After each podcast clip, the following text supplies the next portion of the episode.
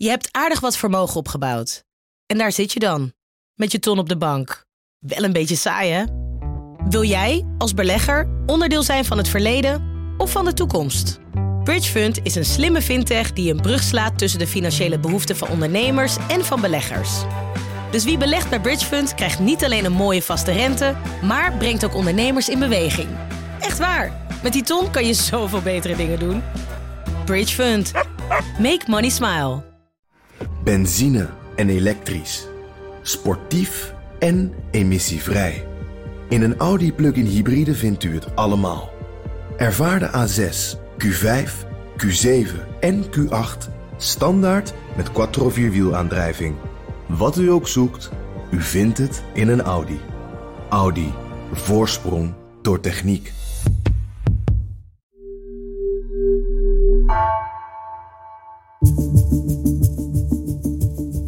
Vanaf de redactie van NRC het verhaal van vandaag. Mijn naam is Floor Boon.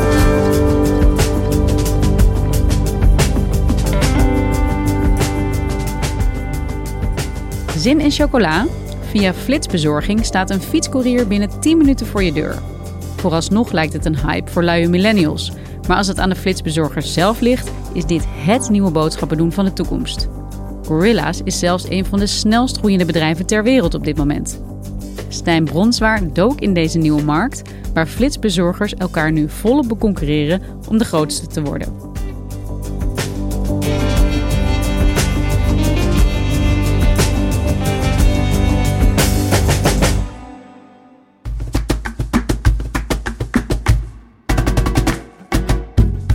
Hey Stijn, we gaan het vandaag hebben over van die flitsbezorgers en van die bezorgdiensten zoals Gorilla's. Ja, ik, ik heb net voordat we in de studio kwamen, heb ik iets besteld voor deze aflevering. Bij Gorilla's? Bij Gorilla's. Er komt als het goed is zo meteen iemand aan om eens te zien nou, hoe dat werkt. Wat heb je besteld? Ik heb eh biscotti, lekkere koekjes besteld. Lekker. Hoe lang duurt het? Ze zeggen zelf, we komen binnen 10 minuten. En dat is geen belofte die ze doen, maar het is een voornemen. Dus je krijgt niet je geld terug als ze dat niet redden. Maar ze proberen dat eh, te halen. Dus terwijl wij hier zitten te kletsen, is die bezorger ja, eh, die koekjes ergens aan het pakken en springt op een fiets. Wat gebeurt er precies? Ja, ik, ik ben in, eh, in zo'n magazijn van Gorilla's in Utrecht geweest. En dan kan je precies zien hoe dat werkt. Als je daar binnenkomt, het is een soort, eh, beetje een soort avondwinkel eigenlijk. Met daarvoor allemaal stoelen en heel veel scanners en grote schermen. En op die stoelen zitten allemaal bezorgers met, al met hun jas aan en hun helm al op. Zitten ze eigenlijk te wachten. Dan gaat een piepje af en dan komt er een bestelling binnen. Dan pakt zo'n bezorger een heel klein boodschappenkarretje. En dan gaan ze die avondwinkel in. En dat zijn, ja, het is een soort route langs allemaal stellages en koelingen. Precies als een, in de supermarkt eigenlijk.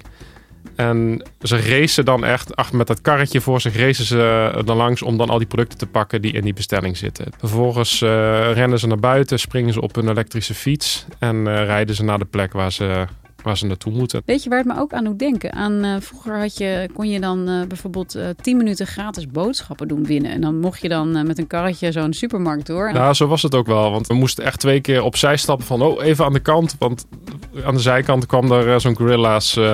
met zo'n klein karretje die ons bijna omduwde. Want ze hebben echt haast. Weet je, dat is ook... Oh, ik krijg nu net een seintje dat hij er is. Dus we gaan even naar beneden. Even de koekjes halen. Ja. Volgens de app duurt het eh, ongeveer 24 minuten. Dus de 10 minuten belofte is in dit geval niet gehaald. Ja, daar is die. Hallo. Yes, super. Dankjewel hè. Oké. Kijk. Cantuccini. Biscotti.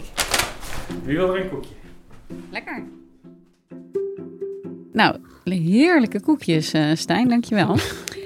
hey, wat ik niet helemaal begrijp. We zijn hier in een grote stad. Eh, we nemen op in Amsterdam. En ja, op iedere straathoek eh, zit wel een supermarkt.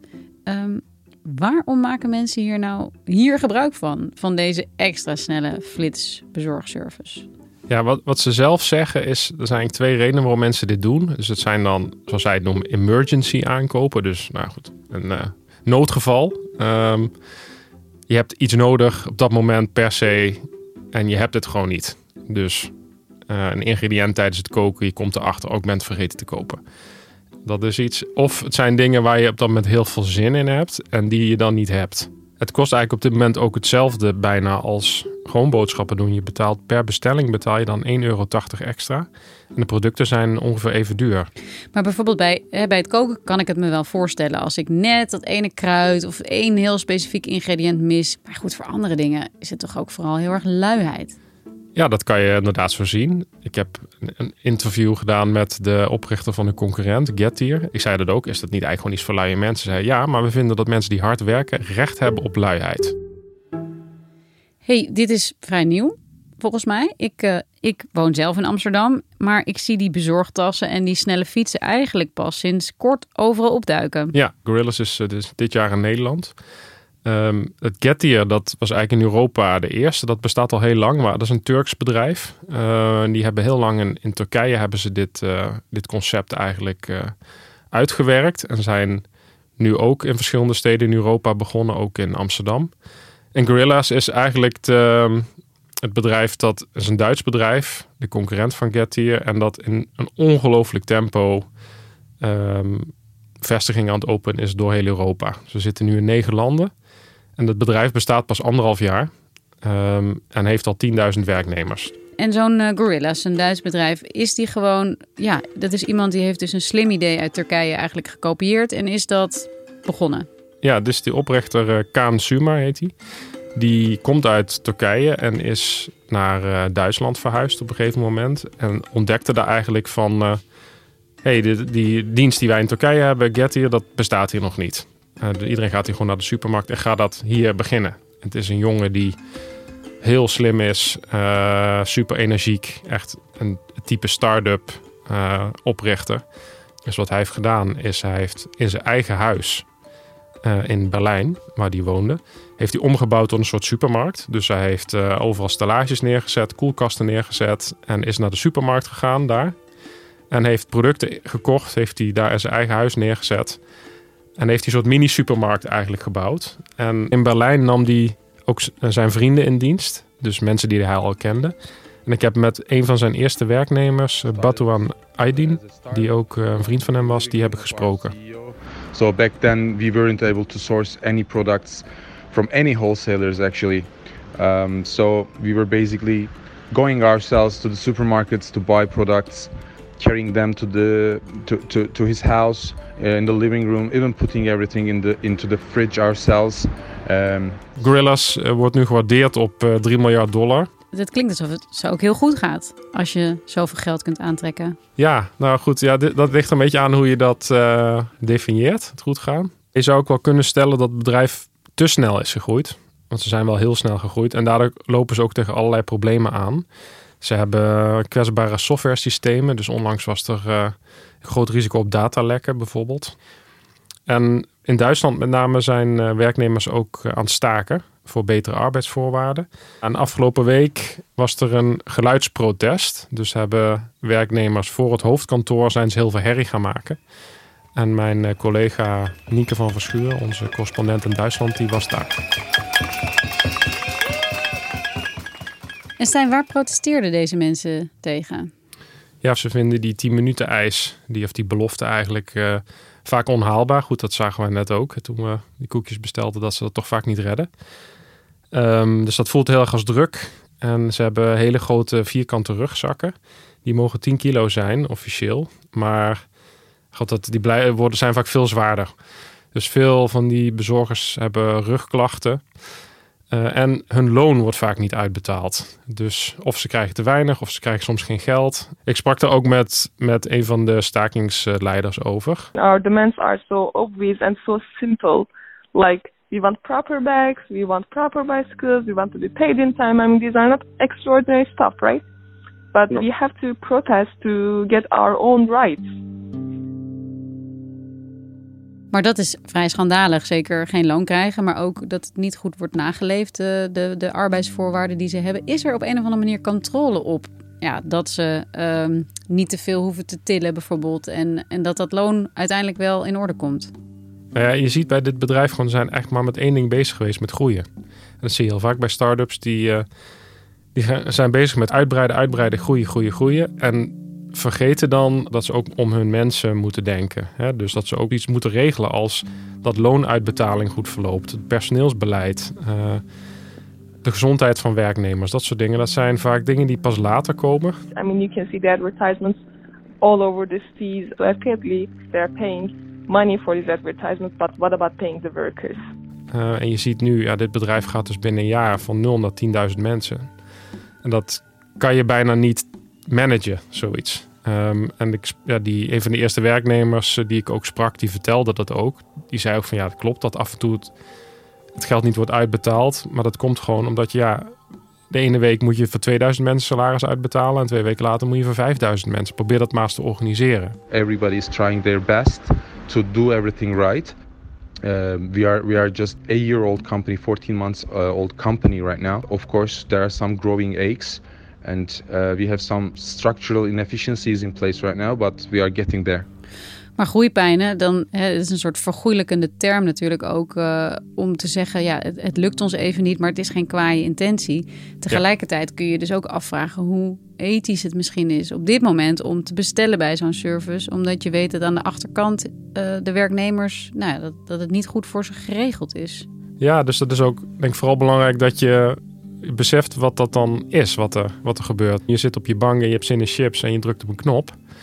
Maar daarachter gaat wel van alles schuil. Weet je, dus daar, uh, zo'n bezorger is ook een mens die dan aan jouw deur komt. Goed, die mensen hebben wel een arbeidscontract. Ja, dat is al heel wat in de wereld van bezorging. Heel veel maaltijdbezorgers doen daar niet aan. Dus dat, dat doen ze netjes, zou je kunnen zeggen. Maar um, ja, besef je wel als je iets bestelt uh, en je laat iemand komen, zeg maar, uh, om 11 uur s'avonds met voor twee kratten bier uh, in een rugzak. Wat dat betekent voor zo iemand. In Duitsland zien we dus al onvrede onder de werknemers als gevolg van die snelle groei. En dat terwijl het bedrijf eigenlijk pas anderhalf jaar bestaat. Waarom is het dan zo belangrijk om zo snel te groeien? Ja, de wetten van de platformeconomie, zeggen ze dan. Dus um, dit is nog een markt die heel erg in ontwikkeling is. Met, als je dat vergelijkt met maaltijdbezorging, is dat nu. Het speelveld is verdeeld. Weet je, je hebt thuisbezorgd en je hebt Uber en je hebt Deliveroo. En nou, dat is gewoon. Die hebben ieder een territorium een beetje verdeeld. En dat is nu hoe het ervoor staat. Terwijl deze markt van flitsbezorging is nog van alles. Weet je, zijn allerlei start-ups zijn, uh, die zijn nu bezig.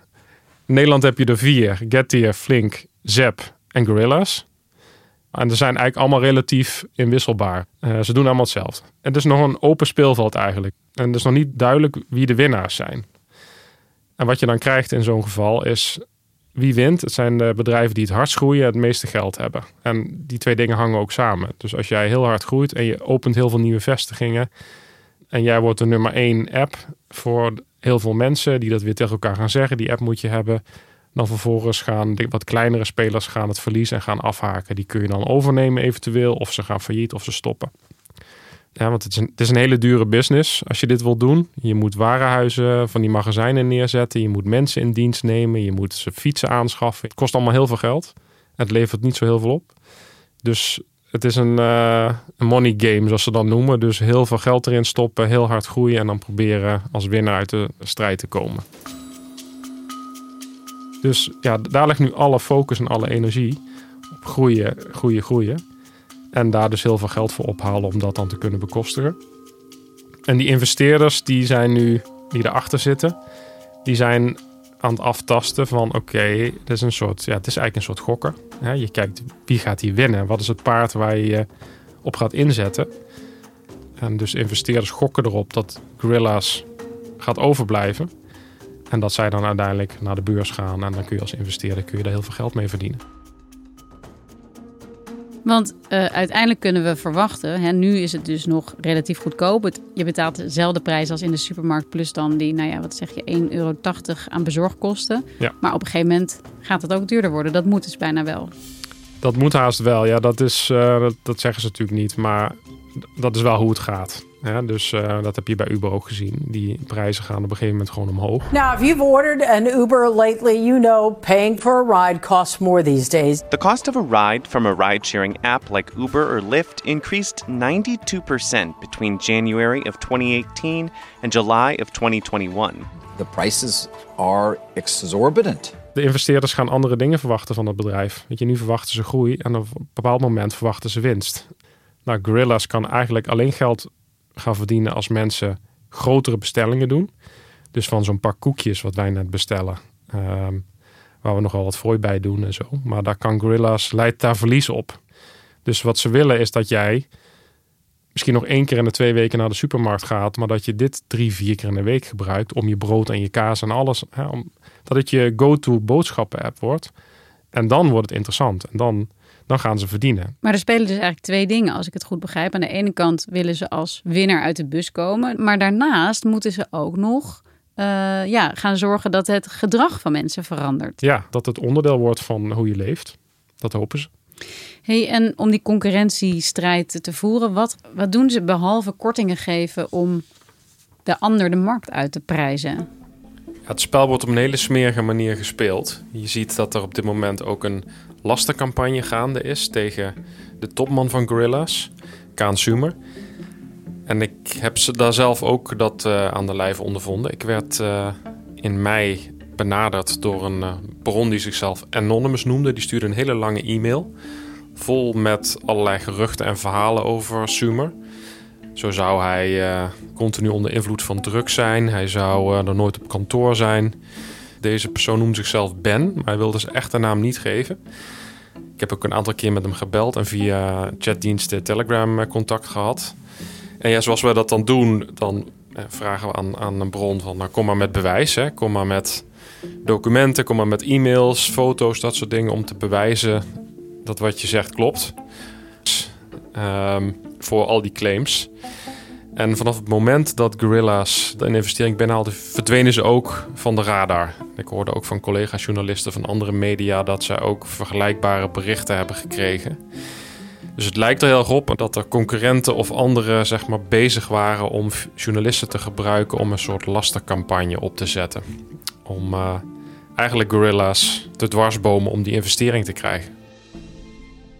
Het klinkt als een eh, onaangename wereld aan de achterkant. Of in ieder geval een wereld waar behoorlijk hard gestreden wordt om je tegenstander weg te concurreren. Maar als je het speelveld bekijkt, kun je in ieder geval zeggen dat deze investeerders geloven dat die markt van flitsbezorging de toekomst heeft. Want anders zouden ze er niet zoveel geld in pompen. Wat denk jij? Is dit, is dit de toekomst? Ja, het is heel verleidelijk om, om snel te zeggen van... eh, ah, dat is niks, dat is voor luie mensen. Ofwel van, ach, dat gaat nooit geld opbrengen. Eh, dat zijn eigenlijk je eerste associaties. Maar als je gaat verdiepen in het bedrijf... en die verdiept je ook in die topman... die echt wel wat kan en, en echt wel heel goed is... ehm, kan je toch voorstellen dat investeerders daarvoor vallen. En het heeft wel het effect dat nu allerlei andere bedrijven hier ook mee bezig gaan. Dus de supermarkten zijn hier nu ook mee bezig. Jumbo wil dit nu gaan doen. De blokker zelfs, die willen ook gaan flits bezorgen. De maaltijdbezorgers zijn nu aan het denken van... goh, moeten we die pizza's, moeten we dan niet ook andere spullen in die tas doen... om naar mensen toe te brengen? Dus je ziet dat allerlei bedrijven zijn hier nu mee bezig. En dan kun je toch niet anders zeggen dat het waarschijnlijk iets is dat wel gaat blijven. Maar kun je je dan ook een wereld voorstellen waarin we ook helemaal geen supermarkten meer hebben? Want ja, waarom zou je er nog naartoe gaan als ze ook naar jou kunnen komen?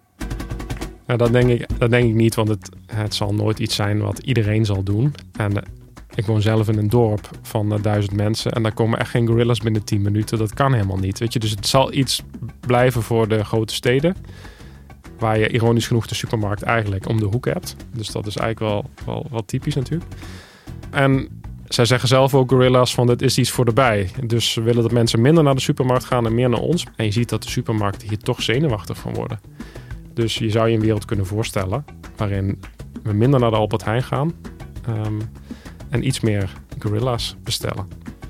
En jij komt in ieder geval naar de redactie om eh, in de grote stad ook af en toe eh, koekjes te kunnen bestellen bij een uh, flitsbezorger. Ja. Hey, dankjewel Stijn. Dank je. Je luisterde naar vandaag, een podcast van NRC. Eén verhaal, elke dag. Deze aflevering werd gemaakt door Julia Vier en Bas van Win. 25 jaar geleden werd de beruchtste kindermoordenaar van België gearresteerd, Marc Dutroux. Wat is zijn stempel geweest op de Belgische geschiedenis? Journalisten Gabriella Ader en Anouk van Kampen zoeken het uit in de podcastserie De Schaduw van Dutroux. Luister nu de nieuwste aflevering in de NRC Audio-app. Dit was vandaag. Morgen weer.